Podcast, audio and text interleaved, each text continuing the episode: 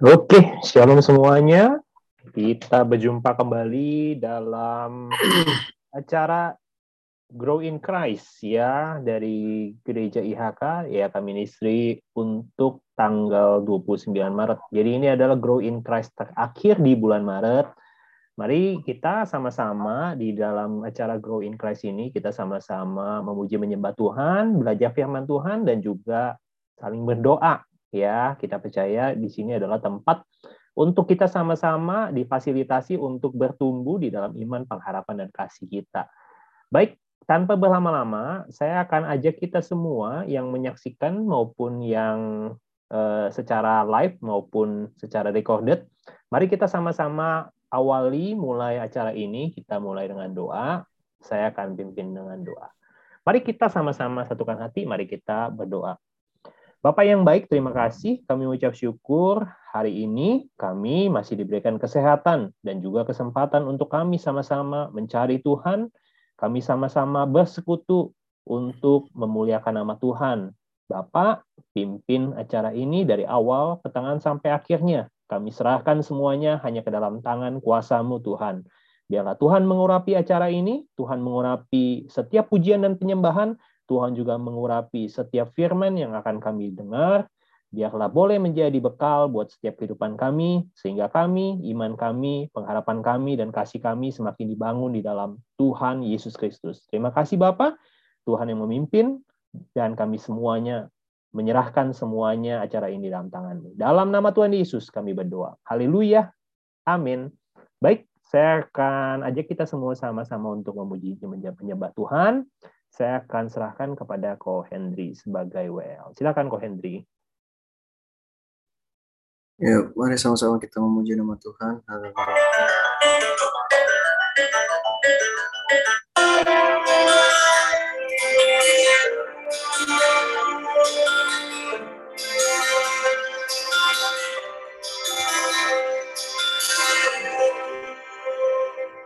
Kau hiasi kehidupan dengan murahmu.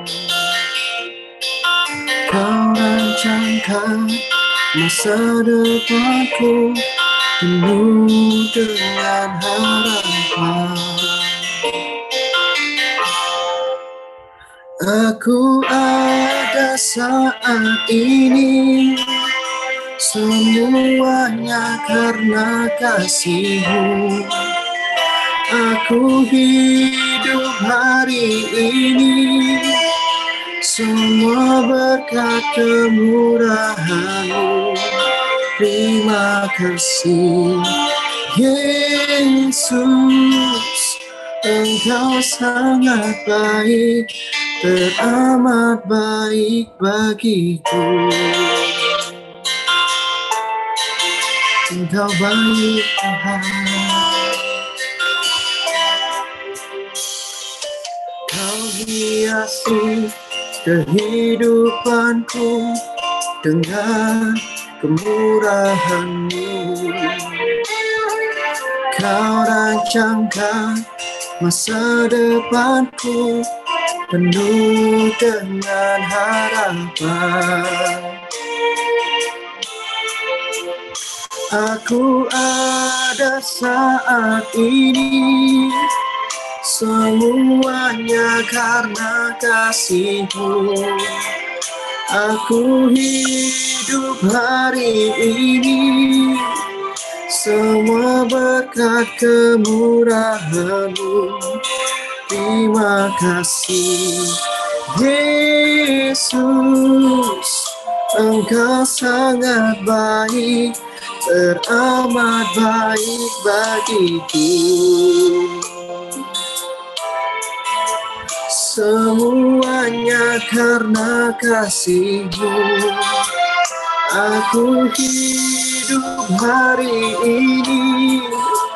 Semua berkat kemurahanmu.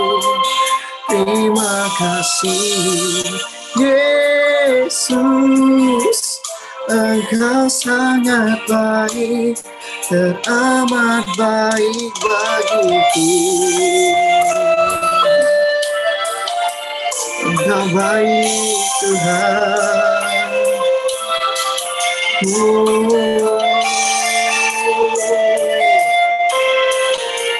Terima kasih Tuhan.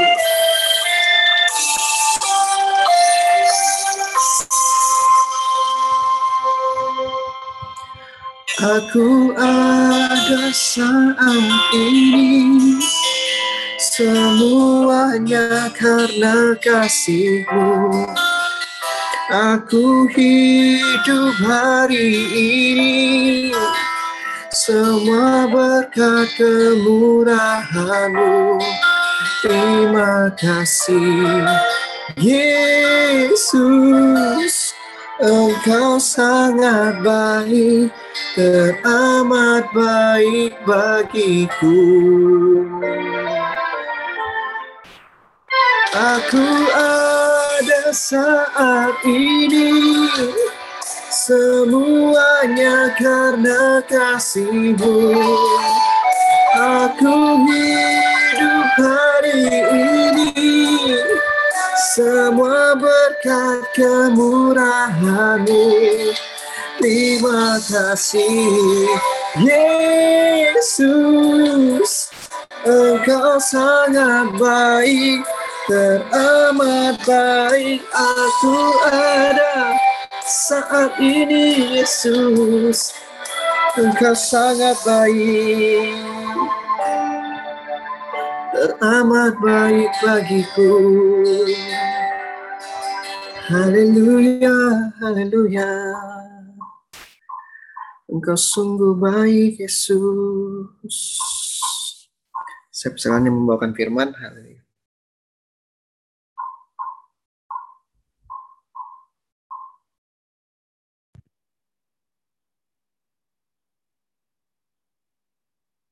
Mari kita berdoa. Bapak kami bersyukur kepadamu Tuhan untuk malam hari ini. Kami boleh bersama-sama bersekutu bersama di dalam Engkau Tuhan. Mari Bapak, untuk memberkati sharing kami pada malam hari ini. Biarlah setiap apa yang kami akan kami sharingkan boleh kami mengerti, pahami, lebih boleh kami lakukan dalam kehidupan kami hari lepas hari. Terima kasih Bapak, terima kasih Yesus. Terpujilah namamu Tuhan. Demi dan di dalam nama Tuhan Yesus Kristus kami sudah berdoa. Haleluya. Amin.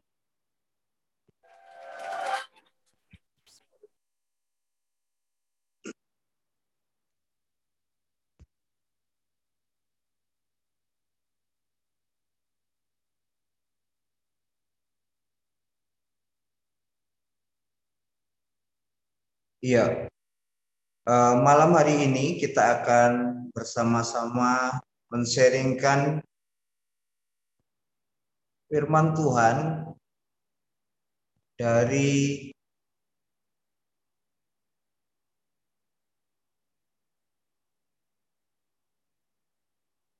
uh, Amsal pasal 27 ayatnya yang ke 19 uh, judulnya adalah menjaga hati. Suara saya kedengaran enggak, Pak? Halo. Ya, bagus. Kedengaran. Oke. Iya. Uh, mengapa kita perlu menjaga hati? Ini bisa kita lihat di dalam kejadian pasalnya yang keempat ayat 6 sampai dengan ayatnya yang ketujuh. Kejadian pasal 4 ayat 6 sampai dengan ayatnya yang ketujuh. Saya akan bacakan. Firman Tuhan kepada Kain, Mengapa hatimu panas dan mukamu muram? Apakah mukamu tidak akan berseri jika engkau berbuat baik? Tetapi jika engkau tidak berbuat baik, dosa sudah mengintip di depan pintu. Nah, ini merupakan uh, satu peringatan atau Tuhan sudah memberikan warning saat dia melihat muka mukanya Kain. Dari mukanya terlihat keadaan hatinya dan Kain pun gagal menaati peringatan Tuhan lalu jatuh dalam dosa.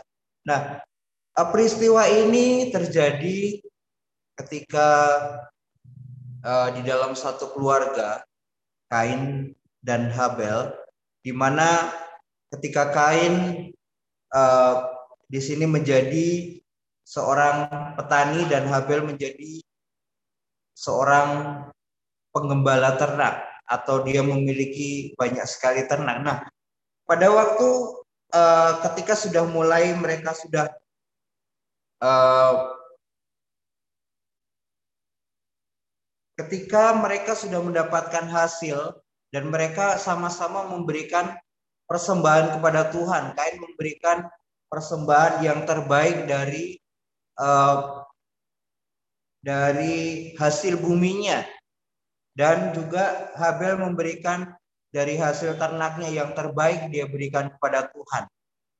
Nah, singkat cerita bahwa uh, persembahan daripada Habel ini lebih diindahkan oleh Tuhan. Dan persembahan Kain uh, kalau kita baca ayat sebelum-sebelumnya uh, diterima Tuhan tapi tidak begitu diindahkan. Nah, jadi dari sini timbul iri hati di dalam hatinya Kain sehingga dia uh, mungkin bisa dikatakan sangat marah orang uh, bisa dikatakan kita sama-sama memberikan persembahan. Lalu kenapa hanya persembahan Habel yang uh, diterima oleh Tuhan dengan baik? Nah, jadi dari sinilah timbul iri hati sehingga di dalam hatinya ini Kain merencanakan sesuatu yang buruk. Dia ingin mencelakai adiknya, dia ingin membunuh adiknya. Nah, jadi di sini Tuhan sudah uh, ketika Kain gagal menaati peringatan Tuhan, lalu Kain jatuh ke dalam dosa.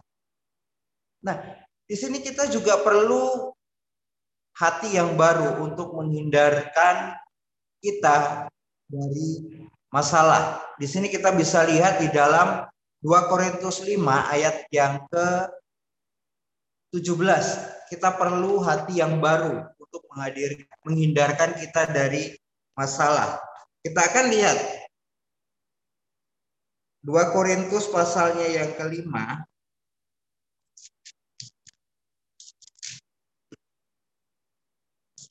Dua Korintus 5 ayatnya yang ke-17 di sini dikatakan jadi siapa yang ada di dalam Kristus ia adalah ciptaan baru yang lama sudah berlalu sesungguhnya yang baru sudah datang. Nah, jadi ketika kita berada uh, di dalam Kristus, kita ini adalah ciptaan baru.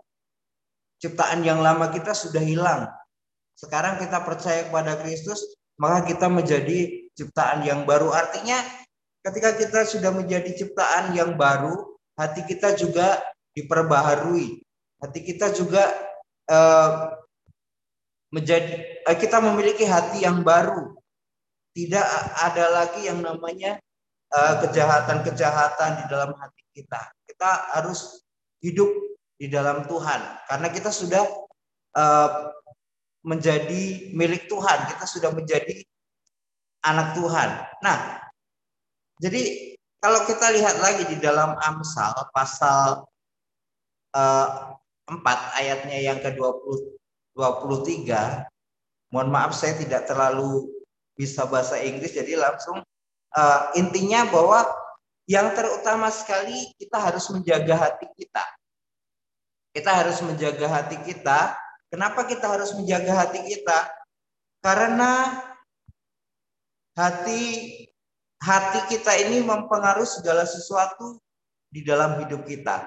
Jadi intinya bahwa uh, segala sesuatu yang kita keluarkan atau segala sesuatu yang yang terjadi dalam hidup kita ini dipengaruhi oleh hati.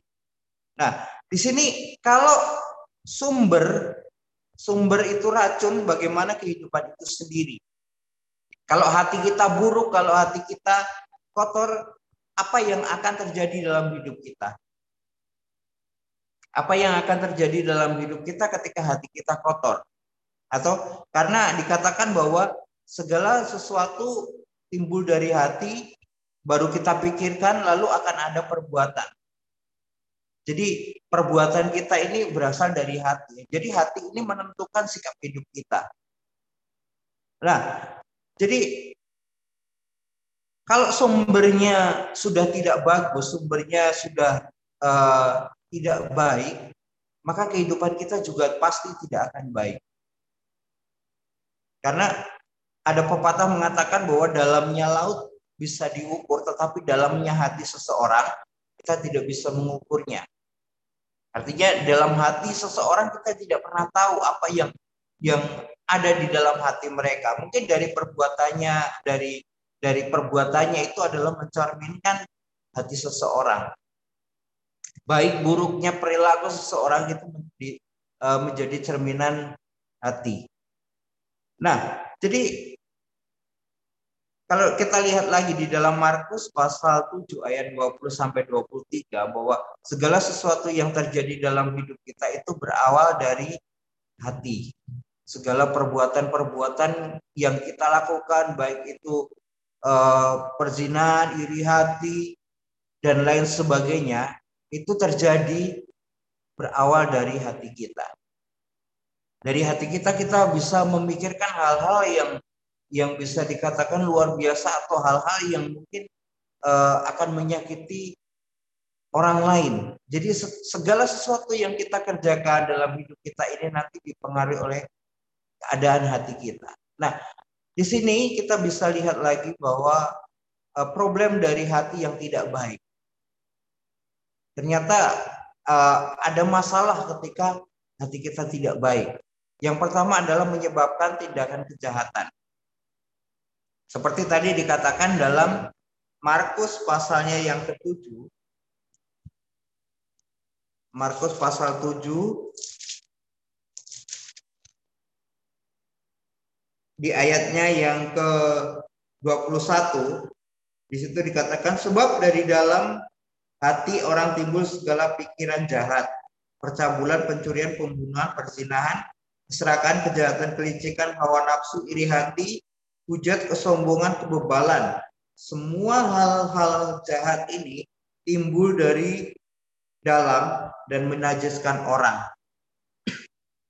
Jadi eh, segala sesuatu yang buruk itu timbul dari hati. Semua kejahatan itu timbulnya dari hati terlebih dahulu. Terus yang kedua, membuat seseorang menjadi bebal. Ketika seseorang uh, memiliki hati yang tidak baik, maka orang itu akan menjadi orang yang bebal. Artinya dia suka melawan, dia tidak tahu berterima kasih, dia tidak uh, melakukan hal-hal yang tidak baik. Terus selain itu di di dalam hati yang tidak baik, dia juga akan mengeluarkan kata-kata atau kalimat yang buruk. Kata-kata atau kalimat yang buruk.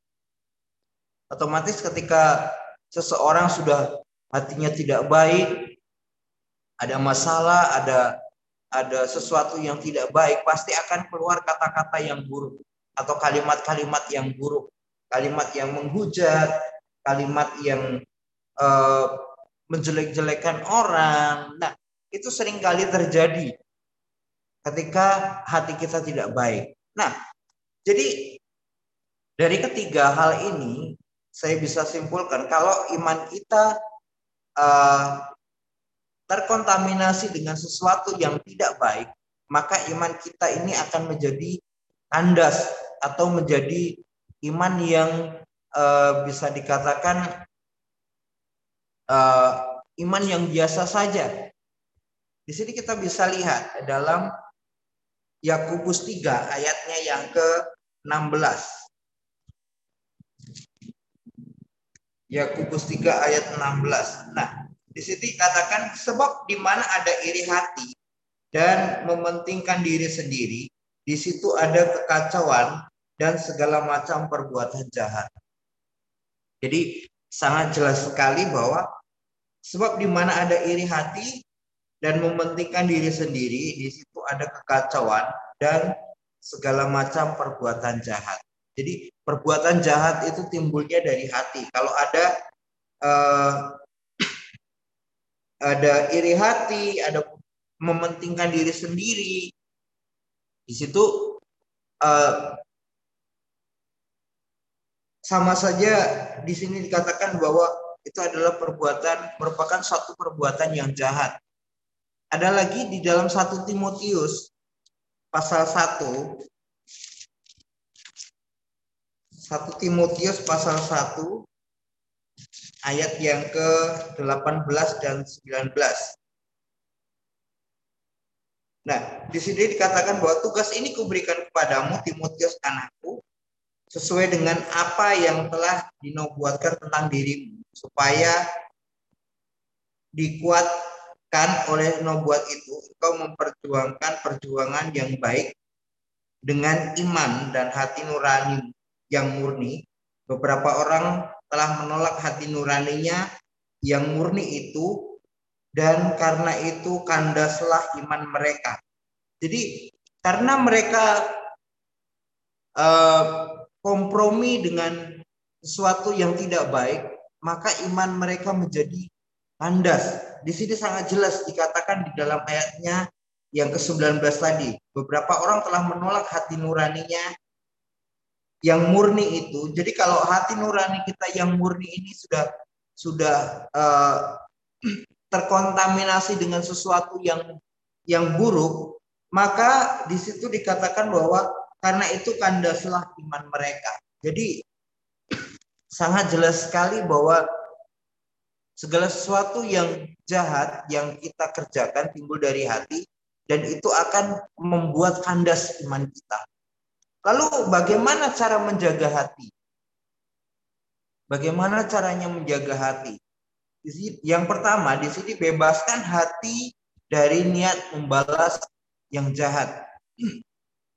Artinya bahwa ketika seseorang melakukan sesuatu yang jahat, ketika seseorang melakukan sesuatu yang jahat, kita tidak boleh membalas membalasnya dengan kejahatan.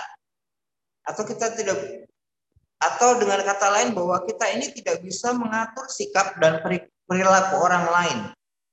Artinya bahwa kita nggak bisa uh, meminta atau mengatur ngatur mengatur ngatur seseorang. Seseorang kita atur, oh kamu harus begini begini begini begini.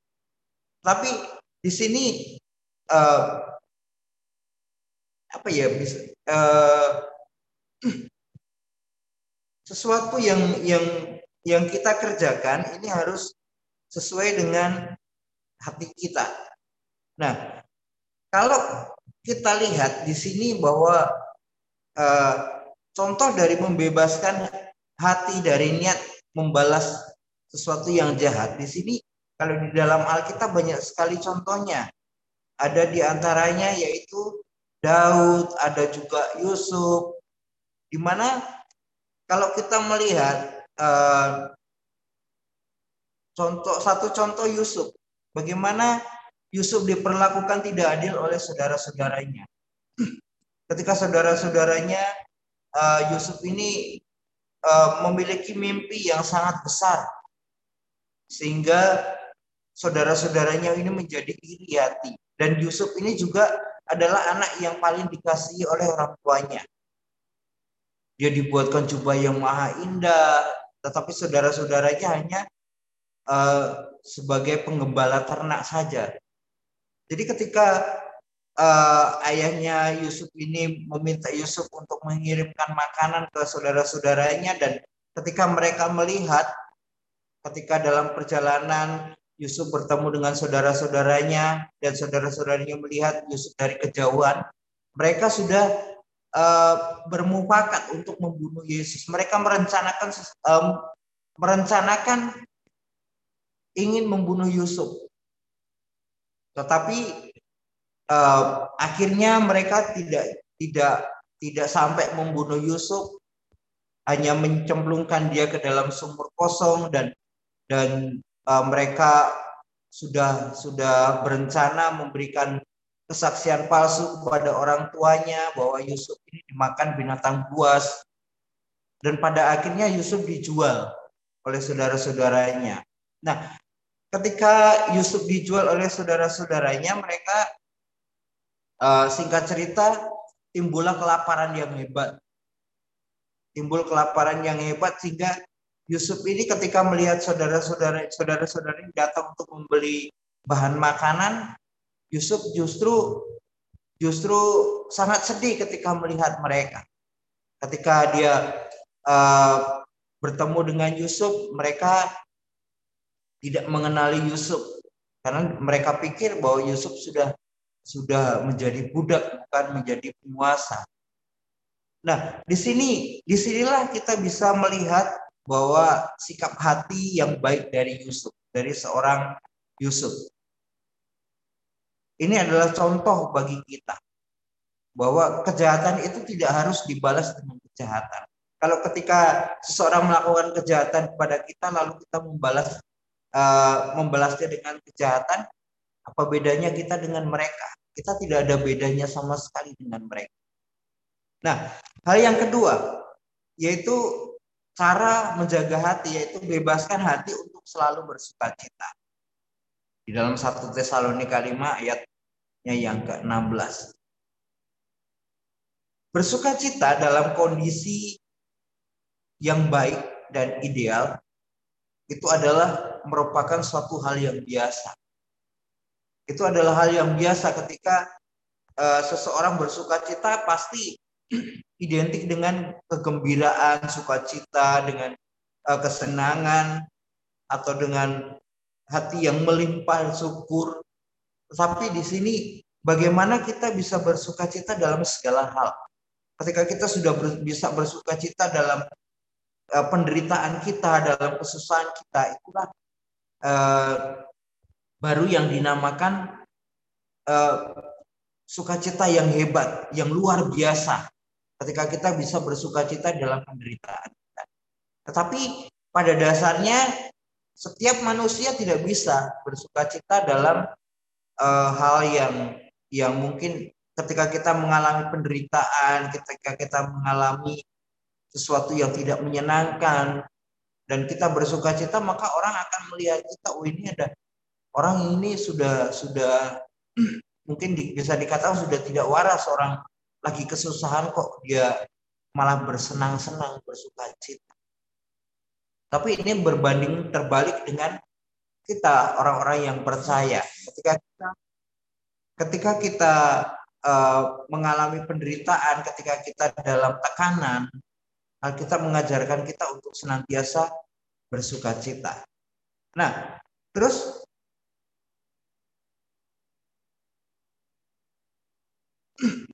Hal yang ketiga, uh, di sini kita bisa belajar dari seorang Paulus bagaimana dia bersuka cita di tengah penderitaannya. Ketika dia di dalam penjara, uh, yang namanya orang di dalam penjara pasti mereka bersusah hati. Tetapi Paulus, uh, Rasul Paulus ini tetap bersuka cita. Dia tetap memuji Tuhan dan hasilnya pun bisa kita lihat. Bisa kita lihat hasilnya di dalam di dalam kisah para rasul 16 ayatnya yang ke-23. Bahwa ketika dia memuji Tuhan, ketika dia berdoa kepada Tuhan, uh, maka pintu-pintu penjara itu terbuka. Pintu-pintu penjara ini uh, menjadi terbuka dan para penjaganya itu para uh, pengawal-pengawal dari di dalam penjara itu mereka uh, merasa merasa bahwa oh sudah tidak ada artinya lagi kalau uh, semua pintu penjara sudah terbuka berarti semua tawanan sudah pada hilang, semua tawanan sudah pada lari. Tapi tidak begitu dengan Rasul Paulus dan teman-temannya, dia tetap berada di dalamnya.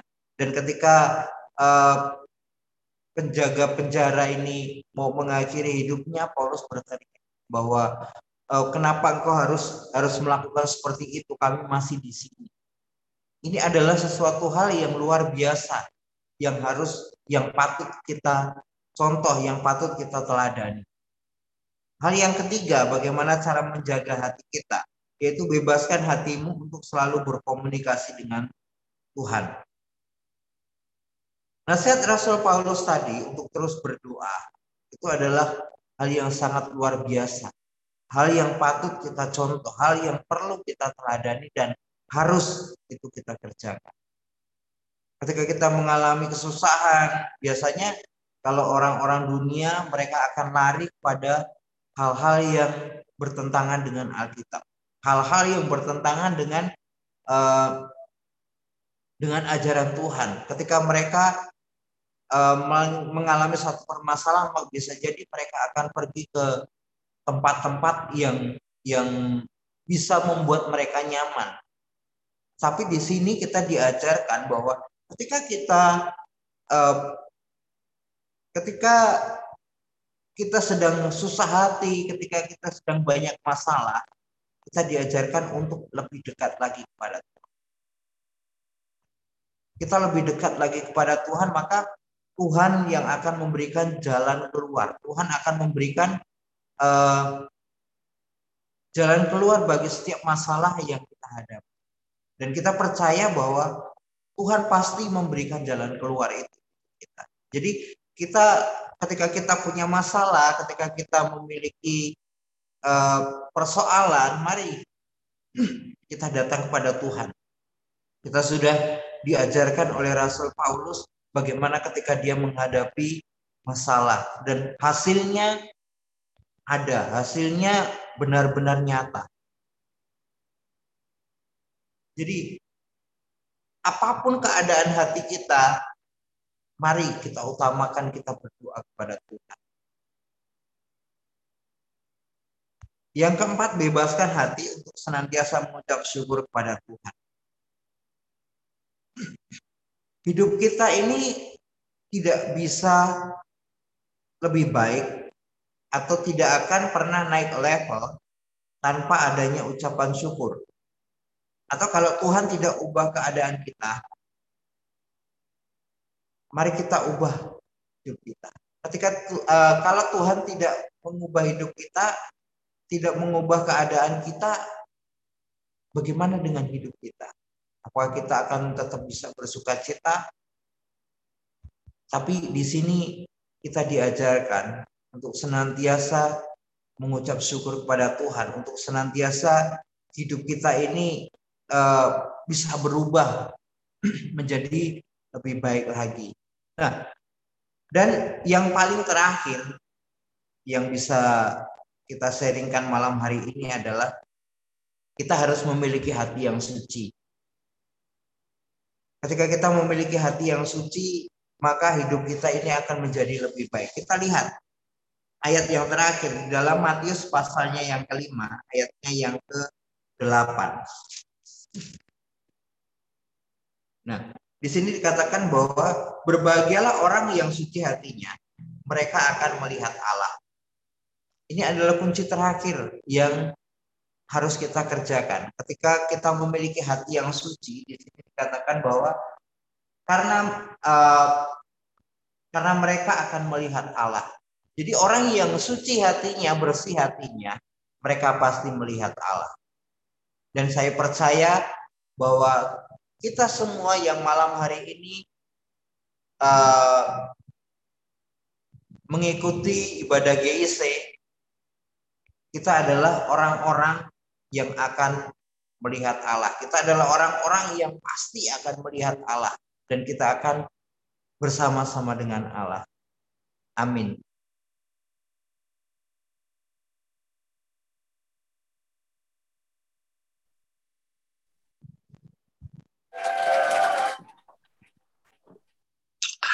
Oke, puji Tuhan. Terima kasih buat Pak Katukur yang sudah menyampaikan firman Tuhan dan tentunya uh, berkat tersendiri ya sepanjang bulan Maret ini kita belajar tentang hati yang baru ditutup dengan manis oleh Pastor Fendi ke hari Minggu kemarin dengan sebuah apa uh, pemahaman yang baru dari sisi yang berbeda lagi. Jadi kalau menurut saya empat sisi eh, kalau kita ngomong tentang bangunan ya ini kiri kanan lalu depan belakang ini udah udah lengkap nih. Ya tinggal open heaven ya Tuhan turun dari sorga untuk mencurahkan berkat dari atas lah puji Tuhan. Jadi kita belajar hati yang baru, terutama bagaimana kita mengerti bahwa eh, semuanya itu berasal dari hati. Jadi kalau muka itu nggak bisa ditipu ya. Kalau hatinya baik-baik saja ya mukanya aman-aman aja gitu.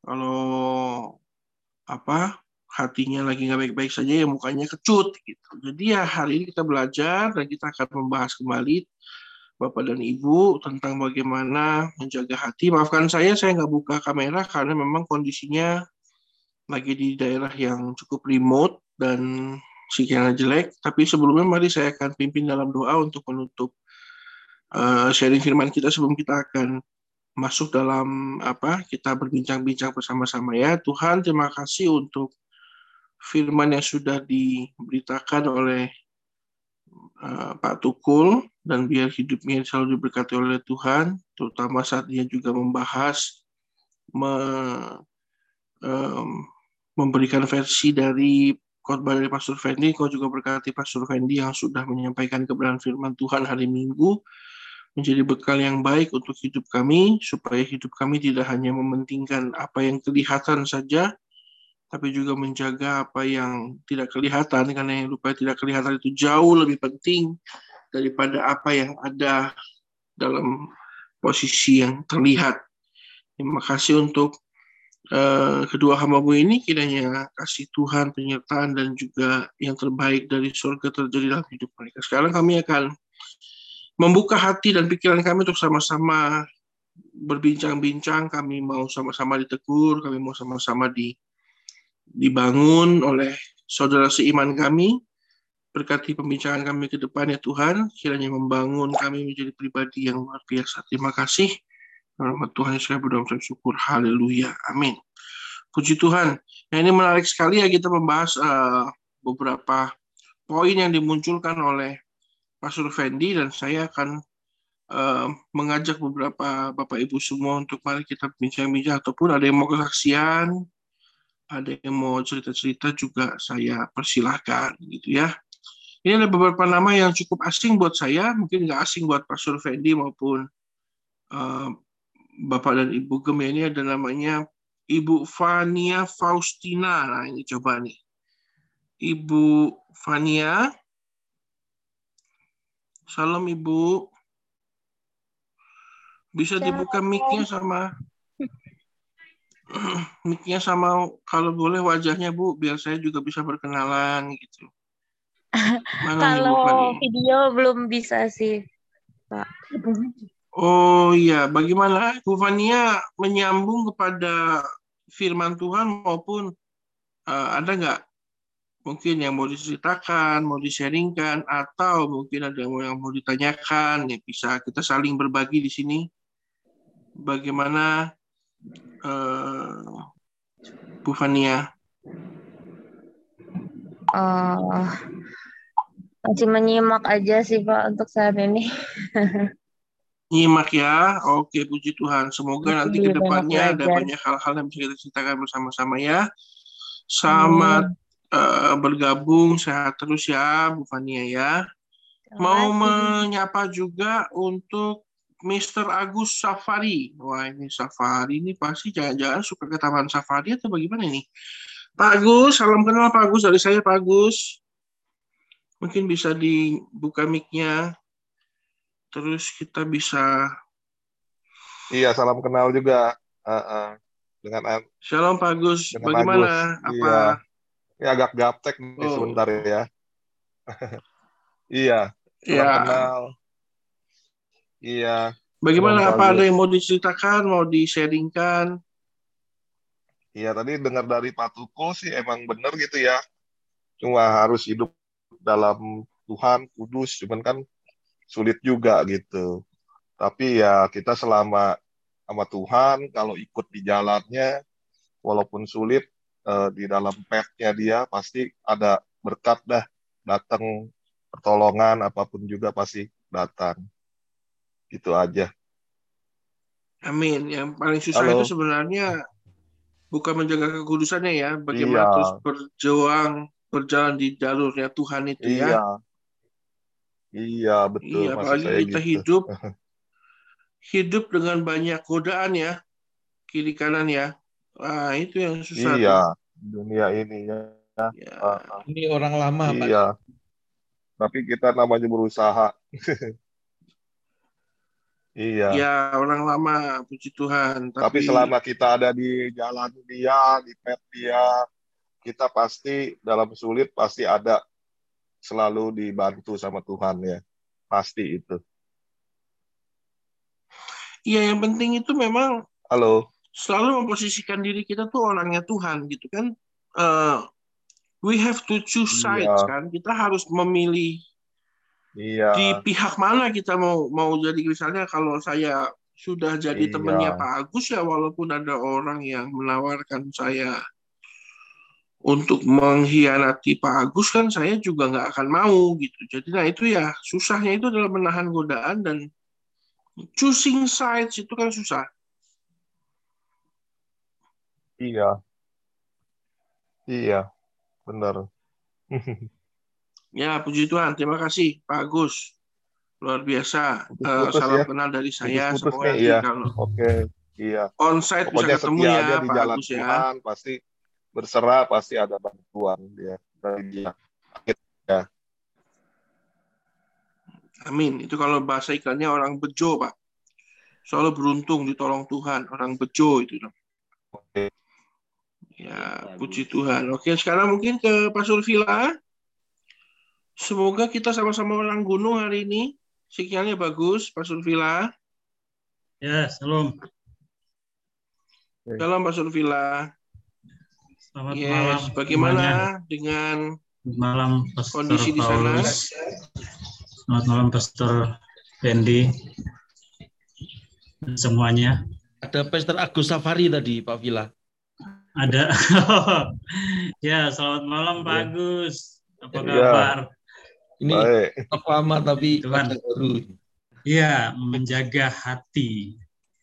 Semua Ya.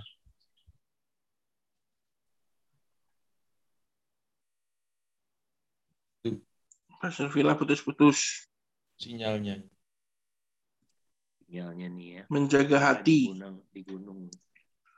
Dan jangan lupa, teman-teman kita dari agama lain pun sudah paham loh pentingnya menjaga hati. Makanya itu kan ada lagunya. Jagalah hati, jangan kau nodai. Ya kan? Jagalah hati, jendela hidup ini. Oh itu mereka paham. Nah kalau kita itu yang selalu saya pahami itu, kita itu kan sebenarnya kan apa ATPM ya, anjungan tun apa eh, pemegang merek gitu loh. Kita ini kan pemegang tunggal merek firman Tuhan itu malah kita nggak paham dengan itu sayang gitu. Sangat-sangat keterlaluan kalau kita yang harusnya sebagai istilahnya yang mengerti betul tentang konsep ini malah kita lupakan lalu kita malah nggak melakukannya lalu orang yang agama seberang malah lebih paham, gak hanya dinyanyikan tapi dilakukan. Ya, sayang sekali gitu. Ya, Pak Sufila juga hilang. Kita doakan sinyalnya kembali. Bagaimana Cisanti? Saya ucapkan selamat hari ini sudah mengikuti acara celebration. Keren sekali saya lihat di story dan semoga ada kisah-kisah sukses yang luar biasa. Setidaknya Cisanti sukses berubah dari ibu-ibu jadi anak mahasiswa lagi ya. Sangat-sangat body goal. Puji Tuhan. Bagaimana Ibu Santi? Ya, terima kasih hambanya. Lagi nyetir, masih nyetir aku. Oh, masih nyetir ya. Saya ucapkan selamat berhati-hati di jalan ya. Ada lagunya tuku uh, tulus itu hati-hati di jalan. Ya judulnya begitu. Iya, saya mendengar. tapi jangan diresapi liriknya itu. Kalau liriknya diresapi sedih. Yang penting judulnya aja bagus. Hati-hati di jalan. Iya. ya puji Tuhan. Jadi sedikit info saja hari ini Cisanti dengan Ibu Ripka itu habis celebration pencapaian mereka ya kita perlu apresiasi ya. Orang yang kerja keras lalu eh, berjuang untuk sesuatu yang mereka yakini dan mereka dapatkan reward saya itu ngelihatnya aja senang ya. Puji Tuhan. Jadi bagi bapak ibu yang juga menonton siaran ini jangan mau sesuatu yang instan. Dunia terutama ekonomi Indonesia hari-hari ini tuh sudah mengajarkan kita dengan keras bahwa segala sesuatu itu harus diperjuangkan, nggak bisa yang namanya instan. Nah, termasuk juga kita harus menjaga hati. Kenapa? Hati itu kita maunya yang cepat, kan? Hati kita maunya tuh buru-buru. Harus diedukasi hati kita supaya nggak buru-buru, jangan mau yang buru-buru. Nah, Hari Cisanti dan Ciripka itu sudah membuktikan bahwa kalau mau sabar mengikuti proses itu Tuhan berkati luar biasa. Saya ikut bangga tentunya dengan keluarga yang ada. Saya berikan apresiasi juga untuk perjuangan kerja kerasnya ini.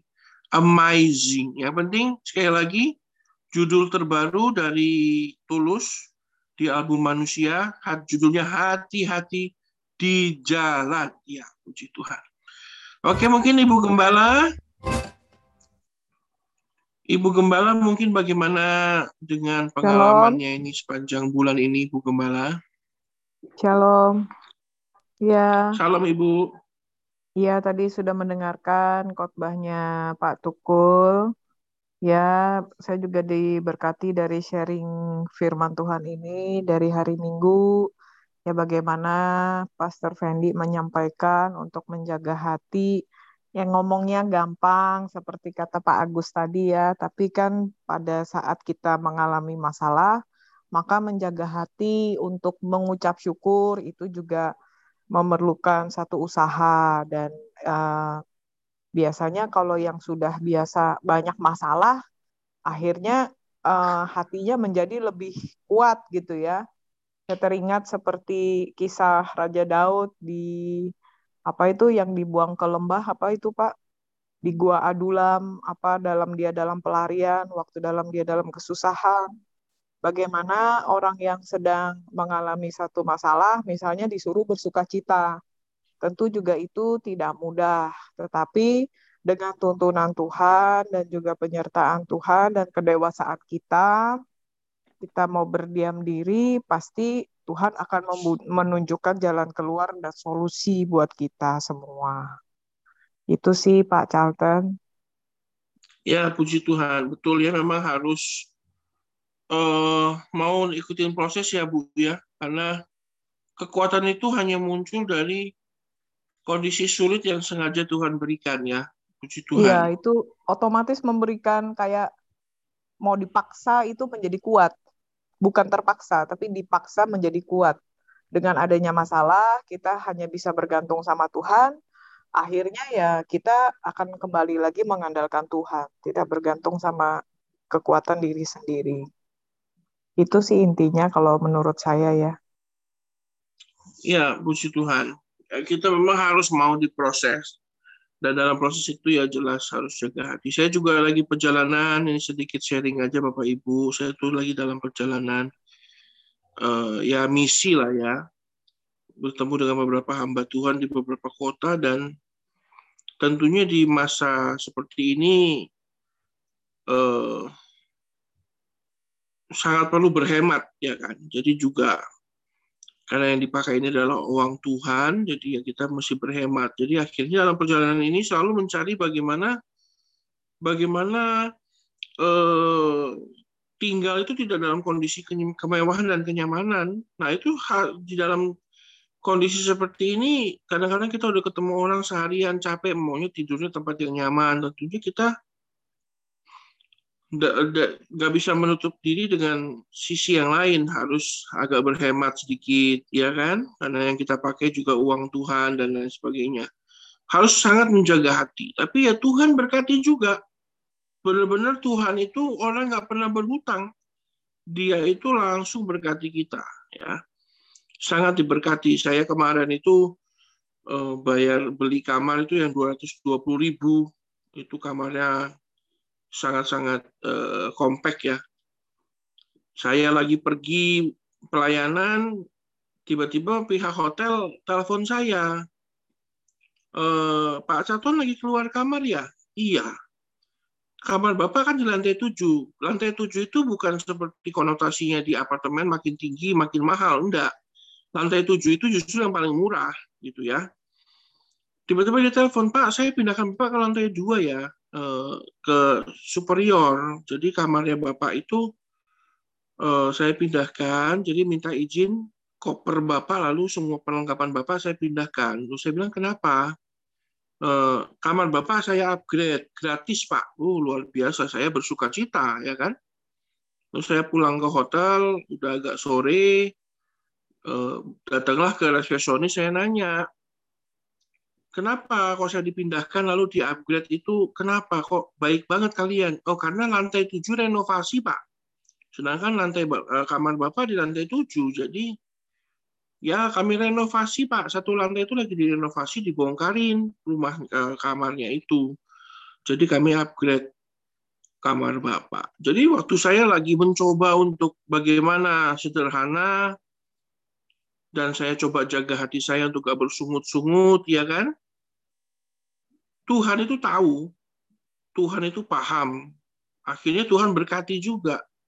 Waktu kita mampu menjaga hati, Tuhan memberkati dengan luar biasa. Akhirnya saya dapat kamar yang mewah, bagus, gede, ada kulkasnya. Wah, luar biasa lah. Di apa ada dispensernya, coba masa kamar ada dispensernya. Jadi luar biasa. Pentingnya menjaga hati ya seperti itu. Terus tadi pagi saya itu naik kapal pesawat itu kapal terbang itu pakai baling-baling. Saya duduk itu dengan kepala udah nempel ini, nempel apa plafon pesawat itu karena ke pesawatnya kecil banget. Itu saya lebih baik naik truk daripada naik pesawat ya. Puji Tuhan, tapi begitu mendarat dijemput oleh apa pegawai negeri di sini ya naik Fortuner, wah mewah sekali loh ke Nias itu dijemput pakai Fortuner, diajak makan BPK lagi. Lalu sampai di tempat menginap gratis lagi. Lalu ada AC-nya lagi. Ada air panas lagi. Jadi saya pikir, waduh, kalau kita mampu menjaga hati bersyukur, walaupun naik pesawatnya baling-baling, tempatnya sempit, terus mepet-mepet sama penumpang yang lain, tapi menjaga hati, dapat kamar tidur gratis.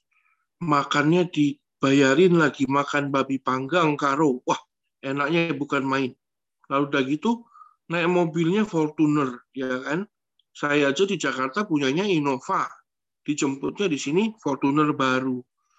Luar biasa. Jadi Bapak Ibu jangan takut dengan Tuhan kalau kita mampu menjaga hati. Tuhan pun memberkati kita luar biasa. Itu kesaksian saya Bapak Ibu. Sekali lagi ini adalah pengalaman saya dengan Tuhan dan saya jadi apa sangat yakin bahwa jangan sampai itu ya kayak Pak Surveni bilang, jangan sampai keluar kata-kata kotor, nggak boleh. Jangan juga kita mau membalas. Jangan juga kita itu orang yang nggak bisa mengucap syukur, Wah, harus bisa mengucap syukur. Jadi semua yang dikotbahkan Pak Survendi itu kena di apa hidup saya ya terima kasih untuk firman Tuhan yang luar biasa. Bagaimana Pak Hendri Giovanni? Bagaimana Tuhan beracara dengan hidupmu, Pak Henry? Mungkin bisa di-sharingkan. Ya, salam semuanya. Selamat malam. Shalom, Pak. Saya ini layarnya nggak apa-apa yang nggak dinyalain soalnya koneksinya kurang apa -apa, bagus. saya juga nggak nyalain layarnya, Pak. Iya, saya juga sama nih lagi belajar, uh, belajar percaya, belajar taat tentang hati, terutama percaya ya, karena ini saya cerita sedikit tentang hari Minggu juga sih ya, tentang pergumulan saya juga sih ini mah, tentang pergumulan saya. Jadi saya sebelumnya kan sudah pernah cerita juga di sini bahwa saya pergumulan saya ini tidak terlihat kadang-kadang. Jadi tiba-tiba itu nggak sadar aja. Nggak sadar mungkin kalau orang-orang yang ngelihatnya mungkin disangkanya saya kesurupan atau apa gitu. Mungkin uh, di pikiran mereka ya yang negatif lah. Kalau saya dulu mungkin mikirnya sama takut kenapa ya begini ya kenapa ya begini ya Cuman sekarang se- karena sudah terbiasa ya mungkin ya. Jadi sekarang sudah mulai nggak begitu rasa ada rasa takut lagi dan kedua juga saya mau belajar percaya bahwa Tuhan menyertai saya. Segala sesuatu yang terjadi tanpa seizin Tuhan itu nggak mungkin terjadi di dalam hidup saya. Kalaupun diizinkan berarti itu adalah yang baik untuk saya. Toh contohnya juga kan selama pergumulan saya yang tidak terlihat ini akhirnya saya bisa berdiri di sini dengan teman-teman semua yang mendukung saya. Berarti kan tandanya kan memang ada ada kebaikan di balik yang tidak baik. Memang rasanya itu seperti gimana ya? Rasanya seperti ah susah diungkapin ya. Kan tidak terlihat ya. Jadi saya juga nggak ngerti itu apa. Cuman yang saya mau percaya bahwa segala sesuatu yang terjadi di dalam hidup saya pasti ada rencana Tuhan yang baik untuk saya. Jadi saya mau belajar taat sama dia, saya mau belajar percaya bagaimana saya bisa mengalami mukjizat dia kalau saya saya lari dari kenyataan ini. Jadi saya harus harus hadapi kenyataan ini sampai biar saya benar-benar mengalami mukjizat yang dari Tuhan. Ja, kan kadang-kadang saya hanya berbicara ada terima mukjizat mukjizat. Ya sekarang lah buktinya karena harus dibuktikan kamu benar gak nih, kamu percaya nggak sama saya, kamu taat gak sama saya. Jangan karena itu akhirnya kamu lari ke dukun atau larinya ke mana. Ini kan ini sharing saya ya. Jadi saya mau belajar taat, saya mau belajar percaya bahwa segala sesuatu yang terjadi di dalam hidup saya, walaupun ini dilihatnya mungkin mungkin kalau istri saya atau anak-anak saya mungkin khawatir, tapi ini udah jadi hal biasa buat saya. Jadi ya saya jelasin ke mereka bahwa segala sesuatu yang terjadi di dalam hidup saya, kalau tanpa izin Tuhan itu nggak mungkin terjadi. Dan kalau diizinkan Tuhan, pasti itu yang terbaik untuk saya. Hanya itu aja sih, saya mau belajar taat, belajar percaya. Terima kasih semuanya, terutama Pak Gembala yang mendukung saya, Pastor Randy, dan semua teman-teman di Gereja IHK yang telah mensupport saya. Terima kasih. Itu aja. Terima kasih. Ya, terima kasih Pak Henry. Memang eh, bagaimana kita itu hidup itu ya seperti itu ya. Eh, harus paham diedukasi hati dan pikirannya bahwa memang semua itu seizin Tuhan gitu. Ya, puji Tuhan lah. Bagaimana kita semua rupanya hari-hari juga sedang diproses Tuhan jadi berjalan bersama-sama menuju satu titik yang namanya kesempurnaan. Puji Tuhan. Oke, uh, Ko Yusuf, mana ini Ko Dedi? Aduh, Ko Dedi malah keluar, baru mau dipanggil.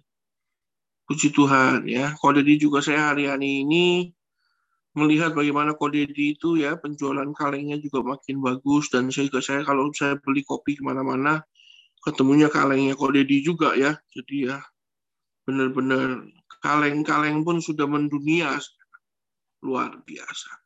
Pak Survila bagaimana? Apakah sinyal Anda sudah nggak usah nyalain videonya Pak Survila? Yang penting suaranya aja dulu supaya terjaga juga koneksinya. Iya, sorry internet suka tiba-tiba putus sih. Halo. Ya, lanjut Pak Vila.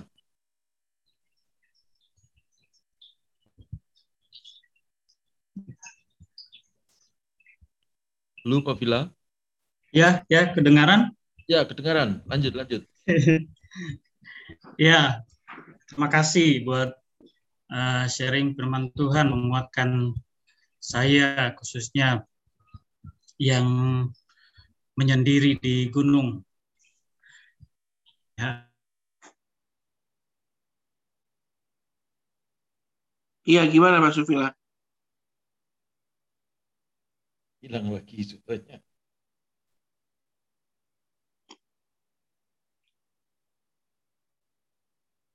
Iya, seperti memang lagi susah sinyal ya ini. Ya, ya. Ya, puji Tuhan. Kita mungkin lanjut dulu ke Bandung, yang paling jauh di antara kita semua. Pak Daniel Fernando, bagaimana? Shalom. Shalom. Ya, aku puji Tuhan kok Tuhan Yesus baik. Tuhan Yesus baik. Ya, ada ada yang bisa di-sharingkan buat kita, Pastor?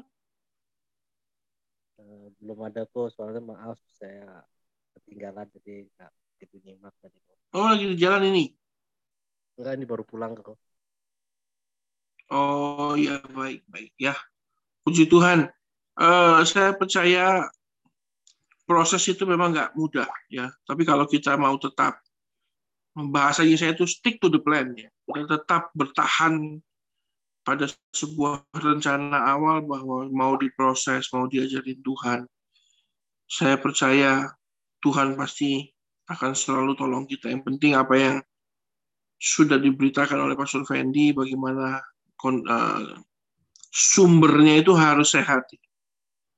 Kalau sumbernya sehat, maka hidupnya sehat. Kalau hatinya sehat, semuanya sehat. Jadi pastikan hidup kita semua berada dalam satu sumber yang sehat. Saya serahkan kepada Pak Gembala untuk bisa wrap things up ya. Bisa memberikan sebuah wejangan di akhir dari ini. Sebelum nanti mulai Selasa minggu depan kita sudah nggak lagi membahas firman Tuhan, Bapak Ibu semua, tapi kita akan mulai dari sebuah seri pemuritan. Ya, kita akan uh, masuk dalam seri pembelajaran Alkitab. Ya, nggak hanya firman Tuhan minggu yang diajarkan, tapi lebih kepada pendalaman uh, apa teologis ya, supaya kita semua ini punya fondasi yang kuat. Jadi pelayanan di keluarga maupun pelayanan di rumah itu juga punya satu landasan teologis yang kuat. Doakan supaya kami semua bisa menyiapkan materi yang baik. Ya, sekali lagi silakan Pak Gembala. Oke, okay, thank you Pastor Charlton dan teman-teman. Uh, firman Tuhan yang bagus ya.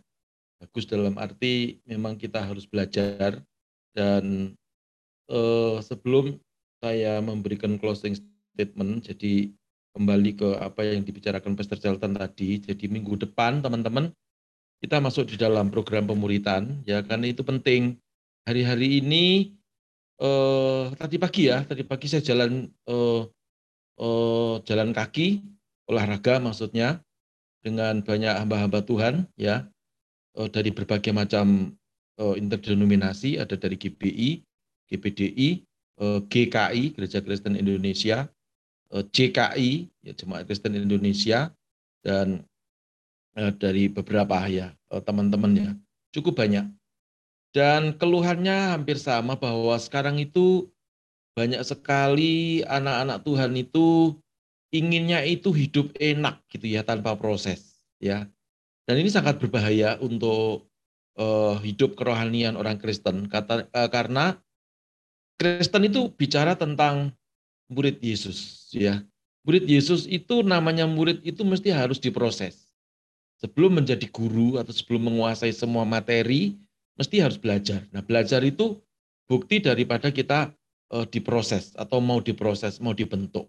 Ya, jadi karena itu uh, apa? Kita akan men-change ya, mengubah eh, GIC kita materinya yang diubah yaitu dengan program uh, pemuritan ya. Jadi nanti uh, supaya kita tuh mengerti, kita tidak diombang-ambingkan oleh berbagai macam angin pengajaran hari-hari ini ya dan memang duit itu enak harta benda melimpah ruah itu menyenangkan gitu ya. Tetapi apakah hanya itu tujuan kehidupan kita? Ya. Kalau kekristenan kita itu hanya bicara duitnya banyak mobilnya banyak rumahnya banyak pasangan hidupnya banyak ya. Nah itu kan saya kira bukan itu tujuannya Tuhan. Memang kita di dunia ini Tuhan memberkati kita. Tapi kata berkat itu sebuah perkataan firman yang di dalam berkat itu ada rezeki, itu harus diingat ya. Jadi kalau kita mengejar rezeki, kita bisa kehilangan berkat. Tetapi kalau kita mengejar berkat, kita mendapatkan rezeki. Rezeki itu ya uang, ya harta benda, ya seperti itu.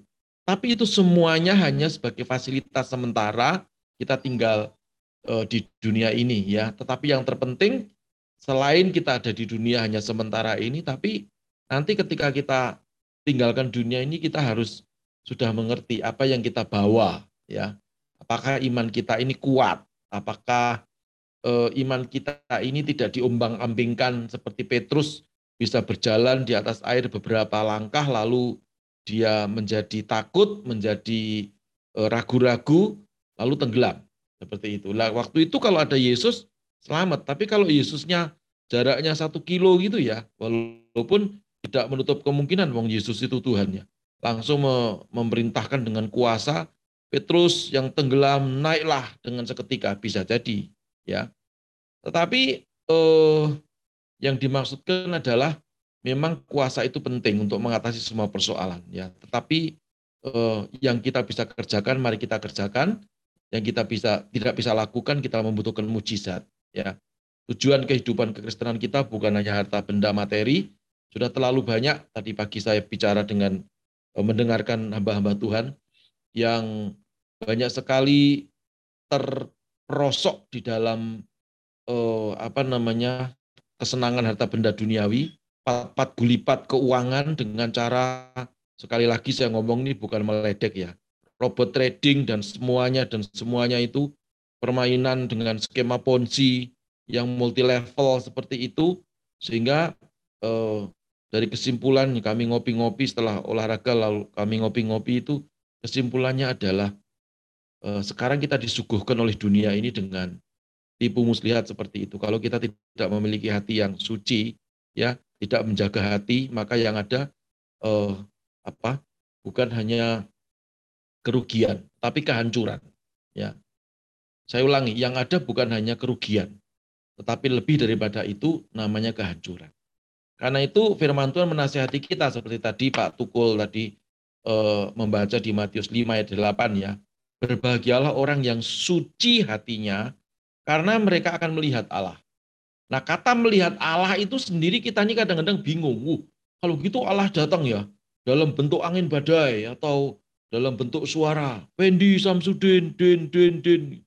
Paulus Eko Dianto, to, to, to. Enggak gitu. Ya. Kata suci hatinya itu sebetulnya upaya. Gimana caranya kita menyucikan hati. Kata menyucikan hati itu bukan setiap hari kita perjamuan kudus.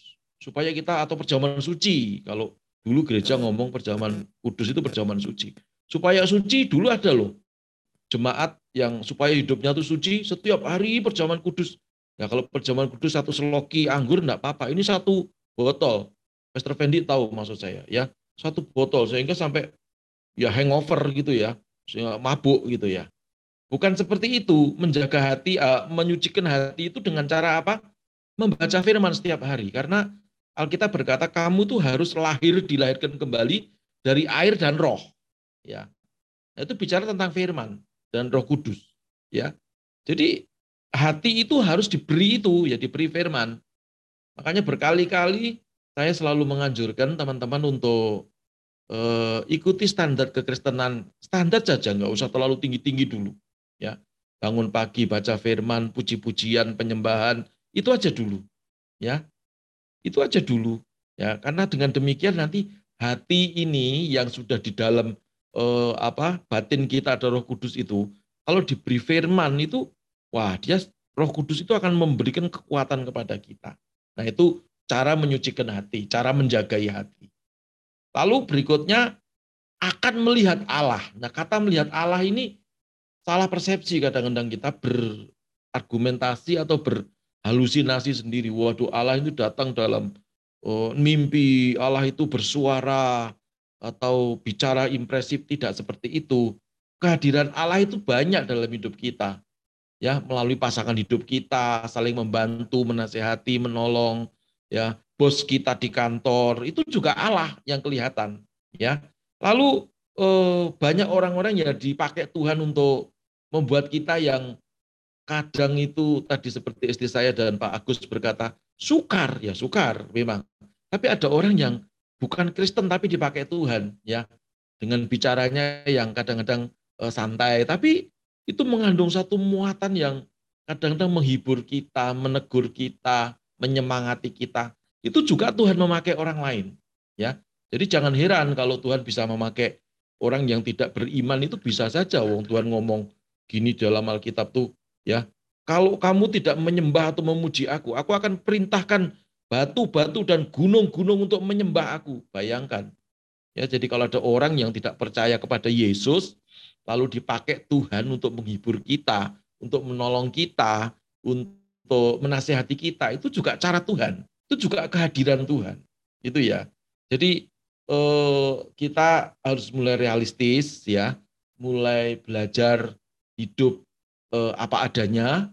Kita mulai harus membangun iman kita kembali dan menjagai hati kita supaya hati kita tetap suci dengan cara baca firman Tuhan setiap hari, eh, puji-pujian penyembahan, lalu kerjakan firman Tuhan. Ya.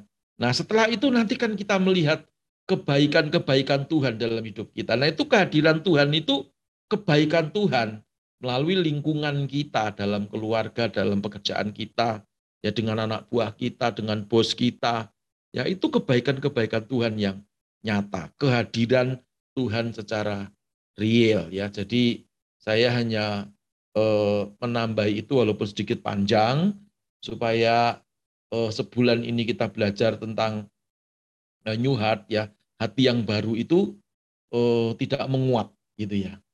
Nah, kalau hati kita sudah suci, kudus, baru ya karena kuasa eh, air dan roh itu tadi, firman dan roh kudus itu, maka kita siap untuk menjadi orang-orang yang dipercaya Tuhan. Kalau sudah seperti itu, kita memiliki memiliki kasih yang baru atau cinta yang baru, ya.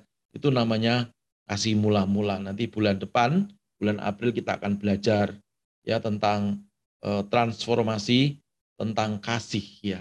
Jadi kasih yang menyelamatkan, kasih yang memerdekakan, kasih yang memberkati dan seterusnya. Itu bulan April kita akan belajar bersama-sama. Saya kira itu saya kembalikan sama Pastor Shelton atau Pastor Fendi, silakan. Oke, terima kasih Pak Gem udah men-sharingkan. Terima kasih juga semua rekan-rekan, terutama Kok Charlton ya yang sudah mandu acara sharing kita. Kita akan mengakhiri uh, acara GIC ini. Mungkin kalau buat teman-teman ada yang mau didoakan atau mau konseling, jangan lupa bisa menghubungi di nomor WA di 0818 62 1722 ya 0818 62 1722 ya buat yang menyaksikan secara recorded Eh, bisa menuliskan di nomor IHK call center tersebut ya. Jadi kita juga bukan hanya uji timba Tuhan, bukan hanya sharing firman Tuhan, tapi kita juga belajar mempraktekkan firman yaitu saling mendoakan. Bagi rekan-rekan yang mau didoakan bisa live juga ya ditulis di komentar kalau tidak ada saya akan berdoa syafaat. Masih ada? Apakah ada? Ada, Tidak ada ya. Oke, kita satu di dalam doa, nanti saya akan berdoa, nanti Pak Gem yang doa berkat. Mari kita berdoa, mari kita tundukkan kepala, mari kita bersatu dalam doa. Haleluya, Bapak yang baik, terima kasih. Hari ini kami sudah Eh, bersama-sama memuji menyembah Tuhan, belajar firman, sharing, mendengar kesaksian, begitu banyak yang hal yang kami dengar, biarlah setiap kebaikan benih firman yang kami dengar tidak berlalu dengan sia-sia, tetapi benih firman ini boleh jatuh di tanah hati kami yang subur, boleh berakar, bertumbuh, dan berbuah lebat di dalam kehidupan kami. Jadikan kami bukan hanya menjadi pendengar firman, tapi jadikan kami pelaku-pelaku kebenaran firman-Mu.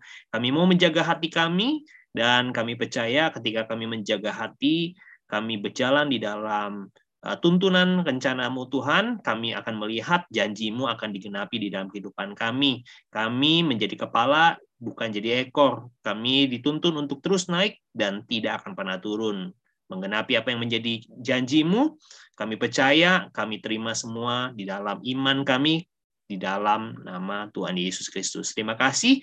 Tuhan juga memberkati hambanya yang sudah menjadi seruan berkat, yang sudah melayani Ko Hendri, eh, Katukul, dan juga eh, Ko Charlton yang sudah mengambil bagian di dalam pelayanan pada malam hari ini. Kiranya Tuhan memberkati kehidupan mereka, Tuhan tambah-tambahkan terus talenta mereka, Tuhan maksimalkan apa yang mereka miliki. Kami percaya Tuhan melindungi dan juga Tuhan memberkati apa yang menjadi kerinduan dan cita-cita mereka. Tuhan kami juga tidak lupa berdoa untuk kami semua yang eh, menyaksikan acara ini secara online maupun recorded. Tuhan kami rindu, Tuhan memberkati kami, Tuhan melindungi kami, jauhkan kami dari segala paparan virus COVID. Biarlah Tuhan menyelubungi kami dengan kuasa darah Yesus, dan menjagai setiap langkah kaki kami supaya ke mana pun kami pergi, ke mana pun kami melangkah, ada penyertaan Tuhan, ada tuntunan Tuhan, dan ada berkat Tuhan yang senantiasa mengiringi langkah kaki kami. Terima kasih Bapak, Tuhan juga memberkati bangsa kami. Kami rindu bangsa kami mendapat anugerah daripada Tuhan. Kiranya bangsa kami, bangsa Indonesia, dituntun Tuhan supaya kami segera keluar dari krisis dan pandemi COVID ini. Kami berdoa, biarlah pemimpin-pemimpin bangsa kami Tuhan urapi menjadi eh, pemimpin-pemimpin bangsa yang diberikan hikmat Tuhan dan juga roh takut akan Tuhan ada bersama dengan seluruh bangsa ini. Terima kasih Bapak. Kami mengucap syukur dan kami akan menerima berkat daripada Tuhan Yesus melalui hambamu. Haleluya, haleluya, haleluya. Puji Tuhan. Mari saudara sebelum kita terima berkat Tuhan, Kepakal tangan kanan kita, taruh tangan kiri di dada. Bersama-sama kita katakan kata-kata iman. Dalam nama Yesus, satu, dua, tiga. Saya percaya, saya adalah anak Tuhan yang penuh dengan kemuliaan Tuhan. Hidup dalam kekudusan, sukses di dunia, dan masuk surga. Saya percaya, saya adalah anak Tuhan yang penuh dengan kemuliaan Tuhan. Hidup dalam kekudusan, sukses di dunia, dan masuk surga. Saya percaya, saya adalah anak Tuhan yang penuh dengan kemuliaan Tuhan, hidup dalam kekudusan, sukses di dunia, dan masuk surga. Haleluya, puji Tuhan. Mari angkat kedua tangan sudah tinggi-tinggi dalam hadirat Tuhan. Kekasih-kekasih Tuhan, terimalah berkat yang melimpah-limpah dari Allah Bapa, persekutuan dan kasih sayang dari Tuhan kita Yesus Kristus, penyertaan penghiburan, serta kuat kuasa dari Allah Roh Kudus, menuntun, menyertai, juga memberkati kita semuanya mulai hari ini sampai selama-lamanya. Demi nama Yesus Kristus Tuhan. Haleluya, sama-sama berkata. Amin. Puji Tuhan. Puji oh, Tuhan. Thank you Pastor Pendi. Terima kasih Charlton. Pak Gem. Terima, kasih semuanya teman-teman. Terima kasih Pastor Vila, Pastor Daniel. Puji Tuhan. Tuhan berkati semuanya. Terima kasih semuanya. Berkati bagus. Salam bagus. Malam. Puji Tuhan.